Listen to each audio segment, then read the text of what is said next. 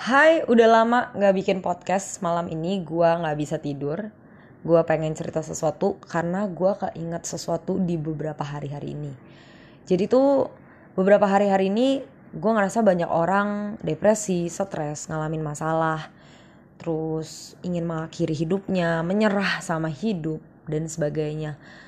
Dan gue flashback ke beberapa tahun yang lalu apa yang terjadi sama gue dan gue pengen ceritain ini di podcast gue supaya mungkin orang banyak nggak uh, begitu tahu ya proses gue seperti apa. Ya mungkin yang denger juga udah taunya uh, wah udah uh, kerja udah sukses sebagainya. Tapi dibalik semua itu ada sebuah proses-proses hal-hal yang menakjubkan bersama dengan Tuhan. Jadi 2016 um, akhir lulus SMK gue SMK accounting. Karena saat itu puji Tuhan dapat uh, pengurangan biaya yang mungkin bisa disebut sebagai beasiswa. Uh, jadi masuk negeri karena waktu itu struggling ekonomi dan gue nggak bisa masuk swasta. Dan ya 2016 itu adalah titik balik gue yang gue bisa katakan seperti itu. Kenapa? Karena di akhir 2016 itu gue berangkat ke Jakarta. Gue uh, ke Jakarta itu tanpa satu tujuan gitu ya. Kayak gue ke Jakarta ya gue ke Jakarta aja tapi gue nggak tahu gue mau jadi apa. Gue akan coba segala hal yang gue bisa coba.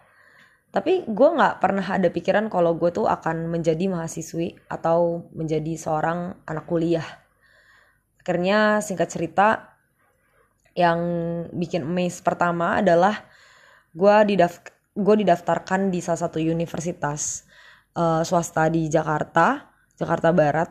Dan uh, saat itu gue cuma masukin raport dibantu dengan sepupu saudara-saudara gue yang tinggal di Jakarta. Dan kondisi ekonomi itu tidak memungkinkan sekali apalagi sekolah ini adalah sekolah swasta. Seperti yang gue bilang tadi gue tuh uh, punya latar belakang background ekonomi yang enggak enggak kaya enggak yang gimana gimana banget. Karena waktu gue di Lampung pun uh, rumah gue tuh masih ngontrak. Dan mama gue single fighter karena papa gue sudah meninggal waktu gue kelas 6 SD jadi uh, saat itu uh, mama gue adalah orang yang cinta Tuhan. Gue sangat kagum dan sangat mencontoh beliau sebagai role model gue. Dan salah satu alasan kenapa gue juga bisa semangat jangkau jiwa-jiwa karena uh, salah satunya adalah sosok mama sih. Karena mama gue ini uh, gak pernah nyerah sama hidup terutama sama jiwa-jiwa. Uh, ya gue akan cerita ke belakang lah ya. Singkat cerita mama gue tuh orang yang suka berdoa. Keluarga gue adalah keluarga yang cinta Tuhan Papa gue juga uh, adalah majelis gereja dulu, terus juga ketua youth.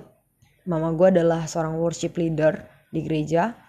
Uh, memang dari dulu banget, waktu masih kecil mereka sangat strict banget uh, soal kerohanian. Gue pun uh, diajarkan untuk selalu uh, datang komsel, datang sekolah minggu dulu. Ya gue inget banget masa-masa itu dan saat 2016 itu mama gue berdoa. Gue bener-bener lihat gitu ya seorang ibu yang berdoa sambil uh, sujud gitu ya. Dan uh, saat itu tuh gue tinggal di uh, rumah saudara. Jadi waktu gue ke Jakarta ya gue bilang tadi ya nggak mungkin gue bisa sewa hotel tapi bener-bener tinggal di tempat saudara. Pagi-pagi gue liat mama gue uh, nangis gitu ya berdoa. Dan hati gue kayak wah hancur banget gitu ya. Mama gue cuman uh, di situ cuman mohon sama Tuhan biar gue tuh punya masa depan yang cerah.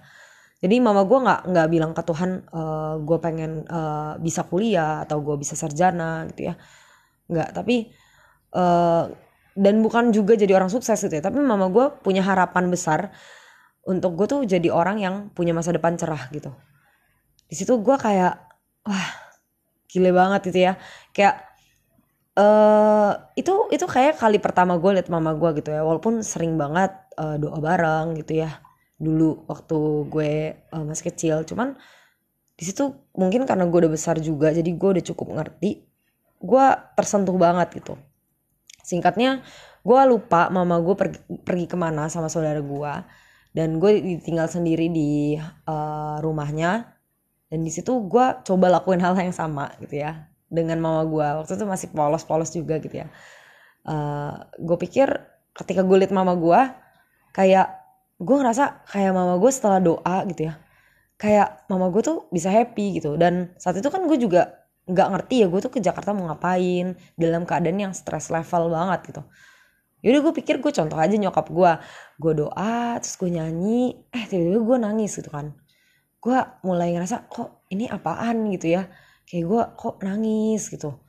Terus kok gue ngalamin hal yang sama kayak nyokap gue gitu kan. Ya udah gue uh, lakukan hal yang sama kayak nyokap gue gue juga bilang sama Tuhan Tuhan uh, mau punya masa depan yang cerah gitu. Kurang lebih gitu. Besoknya ini tepat besoknya gue keterima di universitas itu setelah daftar dan uh, dikasih tahu pengurangan biayanya yang luar biasa drastis gitu jadi yang harusnya kalau nggak salah gue tuh bayar uh, 42 juta kalau nggak salah. Dan itu uh, dari kurang-kurang kurang-kurang itu gue cuma bayar 19 juta. Kalau nggak salah ya. Tapi yang pasti gue bayar itu 19 juta pas kalau nggak salah. Ya sekitar sekitar 19 jutaan lah ya. Itu tuh. Nah uh, abis itu kayak duit dari mana gitu kan? Kayak kayak ya uh, mama gue adalah seorang ibu rumah tangga yang ngelanjutin usaha papa gue almarhum papa gue abis itu juga usaha almarhum papa gue tuh bukan yang kayak setiap hari akan ada uang masuk gitu. Jadi papa gue tuh adalah uh, buka bis uh, papa gue adalah uh, papa gue tuh punya toko. Tokonya tuh kayak seling gitu-gitu ya. Jadi pro proyek-proyek gitu.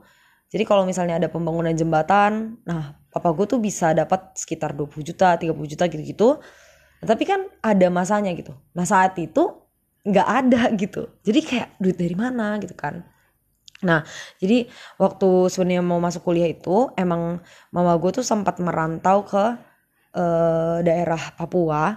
Di sana itu mama gue memang sudah mulai membangun uh, bisnis yang sekarang gitu ya. Berawal dari tukang jual roti. Jadi mama gue ini uh, tukang jual roti keliling gitu.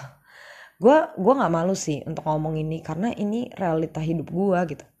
Oh gue tukang jualan roti keliling jadi selama di Papua mama gue cuma nggak uh, cuma sih puji Tuhan diberikan akses modal sama keluarga gitu ya uh, dari tante-tante gue gitu ya. Uh, memang nggak banyak jadi kayak mama gue mungkin ya mulai gitu ya uh, cari adonannya bahan-bahannya dan ya berjualan kue keliling di daerah Papua yang mama gue tuh nggak pernah ke sana seumur hidup gitu ya. Kenapa memilihnya Papua? Mama gue juga sebenarnya nggak tahu sih kenapa mama gue tuh bisa ke Papua. Dan gue percaya tuh rencana Tuhan. Sampai akhirnya mama gue tuh di sana kenal satu gereja juga gitu. Ada salah satu pendeta dan ibu pendeta yang cukup dekat dengan mama gue uh, mama gue mungkin sering konsul cerita gitu-gitu. Uh, dan singkat cerita uh, di hari yang setelahnya itu duit sejumlah pas harga yang harus gue gue bayar di universitas ini tuh ada di ATM mama gue tanpa kayak uh, kayak maksudnya mama gue saat itu nggak pinjem siapa pun. Dan itu kaget banget nominalnya tuh bisa pas gitu ya. Bener-bener uh, apa ya kayak angkanya sama gitu. Dan mama gue tuh responnya percaya ini dari Tuhan. Nah cuman kan namanya manusia tetap nyari-nyari gitu ya. Uh, ini dari mana nih? Ini dari mana? Kayak gitu kan. Nah akhirnya ya mama gue uh, nyari-nyari gitu ya. Ternyata uh, ya itu tadi uh, kenalan mama gue gitu ya selama di Papua. Jadi uh, mama gue nih katanya berlaku baik lah sama orang-orang di sana dan dibantu support dari pemerintah sana gitu jadi kayak mama gue tuh kerja uh, sekarang gitu ya sekarang tuh uh, ada kerja gitu di salah satu kantor pemerintahannya gitu ya. Sebagai ya ini tadi gitu ya jualan masakan gitu ya. Kalau sekarang mungkin bisa dibilang restoran tapi agak kayaknya kayak tinggi banget gitu ya. Gue selalu bilangnya sih kantin gitu ya kantin gitu. Nah jadi kayak wah ini bener-bener ya Tuhan banget lah ya gitu. Mungkin mama gue juga cerita gitu ya ke pendeta ya konsul lah ya biasa gitu.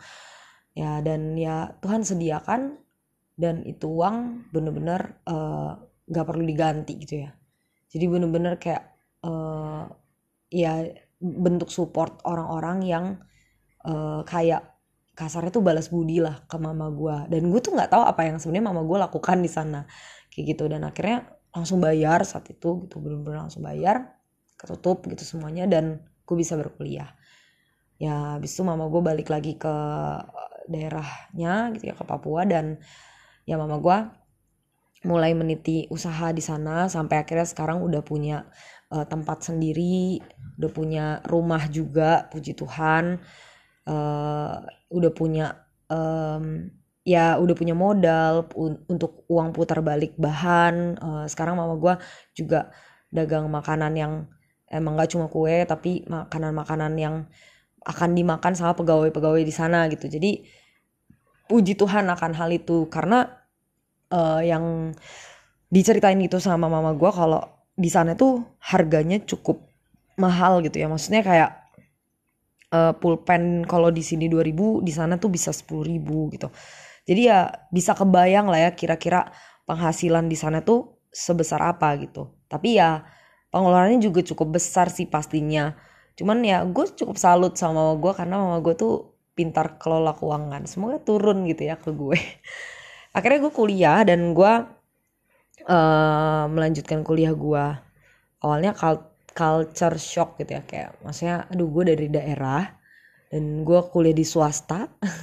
Dan gue kuliah di Jakarta ibu kota. Hmm, kayak eh ampun gitu ya. Kayak kayak gimana ya? Minder ada gitu ya. Ngerasa wah kayaknya gue nggak bisa deh. Kayaknya semua orang ngomong bahasa Inggris gitu ya. Wah itu itu rasanya kayak kayak sebuah tantangan baru dalam hidup gue karena uh, gue tuh orang orang merah gitu ya. Orang kolerik. Dan gue tuh suka sama tantangan sebenarnya.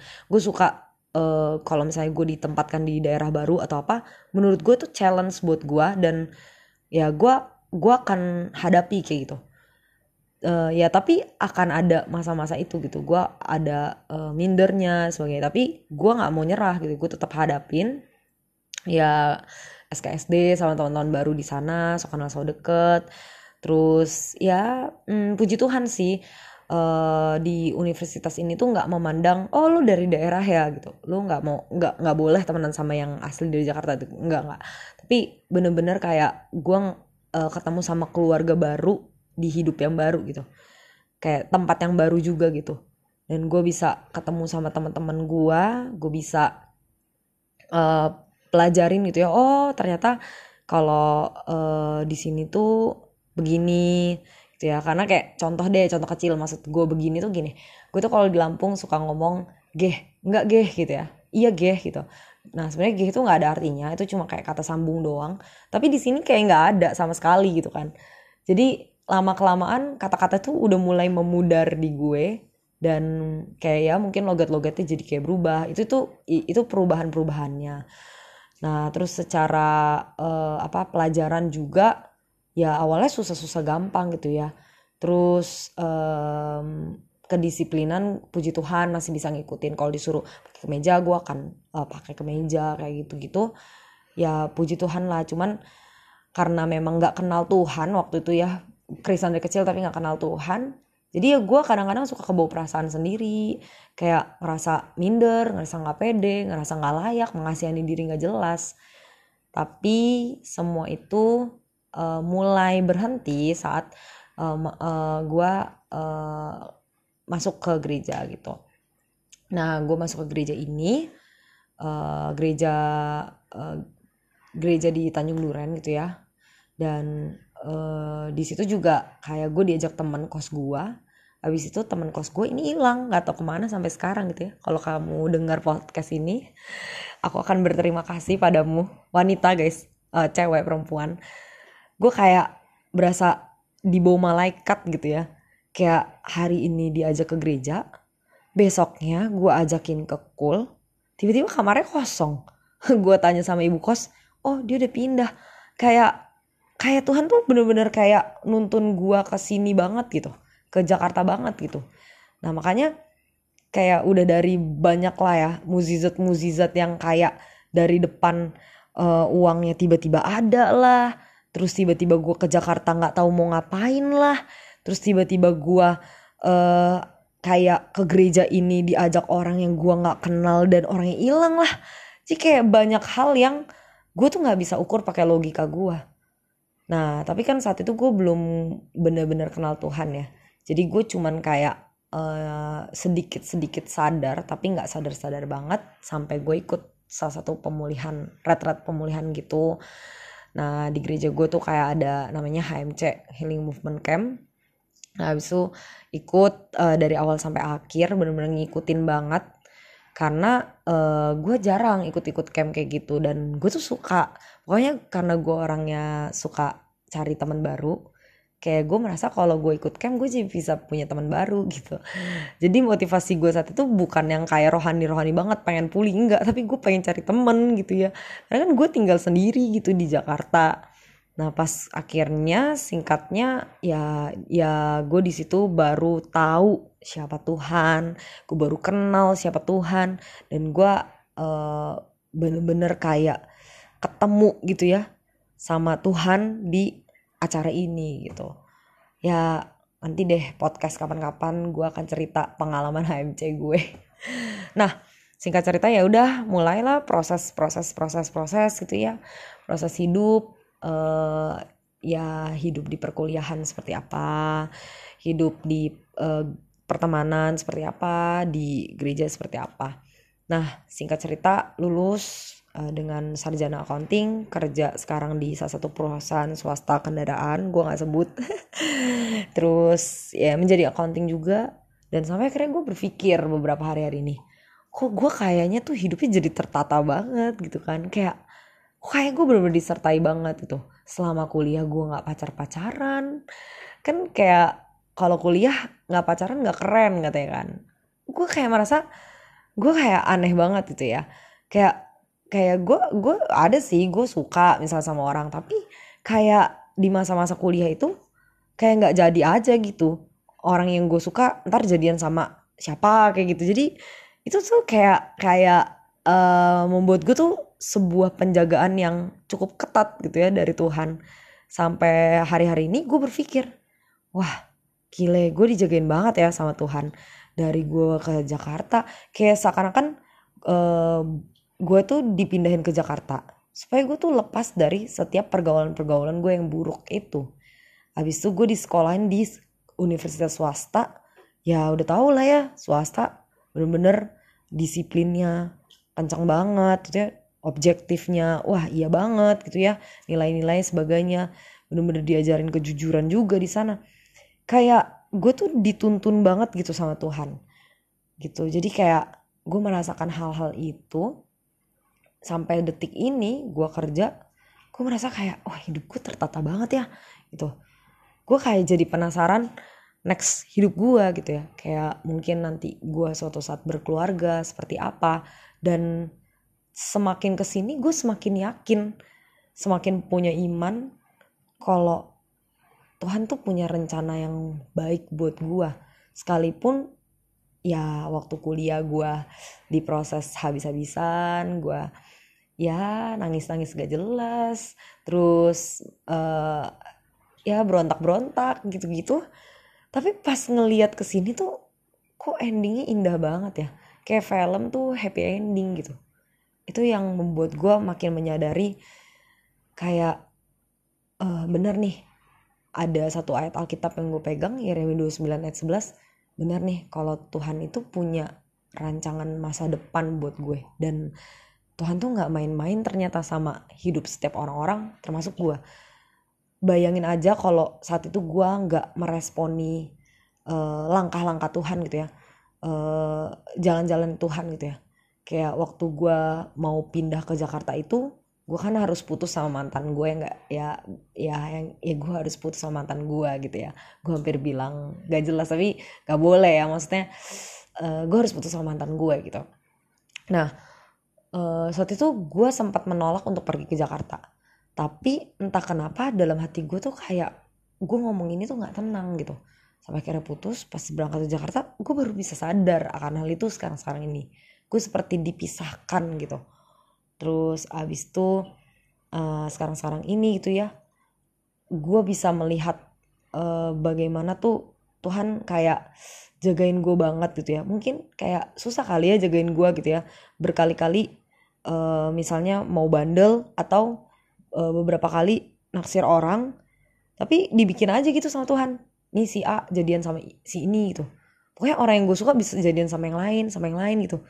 Itu yang membuat gue kayak kayak wah ini ini ini Tuhan jagain gue sih. Tuh fix banget gitu nah jadi hmm, sebenarnya kesimpulannya adalah kalau misalnya kita hari-hari ini ngerasa uh, kosong ngerasa lonely ngerasa kesepian ngerasa kayak kok hidup gue gini banget sih? gitu. Guys jangan lihat itunya dulu gitu. Jangan lihat hari ini gitu. Jangan lihat hari esok. Tapi lihat di depan sana ada ada Tuhan tuh memberikan sebuah gift lah ya. Yang gue selalu bayang-bayangkan tuh Tuhan kayak lagi pegang box box mystery box gitu yang yang udah disiapin gitu ini bakal kerja di sini bakal punya pasangan ini bakal bakal berkeluarga ini punya anak ini. Itu yang itu yang itu yang Tuhan sediain. Jadi uh, kalau misalnya kita terus mikirin hari ini kita terus mikirin kemarin ngeliat ke belakang kita terus uh, stuck dan ngikutin perasaan kita ego kita kita nggak bakal bisa maju ke depan. Ya kita akan terus di situ di situ di situ di situ terus gimana mau maju kan makanya harus ibaratnya kayak gue ngebayangin kalau misalnya kita uh, mau maju ke depan kita tuh harus tinggalin tempat di mana kita ada kan. Maksudnya misalnya gue berdiri nih di satu kotak untuk gue bisa maju ke depan artinya gue tinggalin kotak ini gitu. Nah yang ini maksud gue adalah kalau mau mencapai set goals yang indah bersama Tuhan lo harus tinggalin uh, masa lalu lo kotak-kotak yang yang mungkin membuat lu di situ-situ doang gitu. Lu nyaman. Lu ngelihat lu berada di kotak merah. Lu suka banget nih sama merah gitu. Tapi sebenarnya lu harus menuju ke kotak kuning gitu. Harus maju ke depan maju ke depan maju ke depan gitu sampai lu menemukan warna-warna yang indah yang jauh lebih indah daripada si warna merah ini si kotak merah ini. Mungkin di depan sana ada hijau toska yang lebih menarik perhatian lu gitu. Tapi ya harus maju gitu. Nah ya gitu aja sih uh, cerita perjalanan 2016 2021 um, buat teman-teman yang dengerin ini semoga bisa jadi berkat buat teman-teman semua dan jangan berhenti untuk maju ke depan. Stay fokus. Apa pun yang terjadi uh, Tuhan tuh nggak bakal tinggalin lu sendiri kok. Dia berjaga-jaga atas lu peka lah sama Tuhan. Gitu. God bless you. Semangat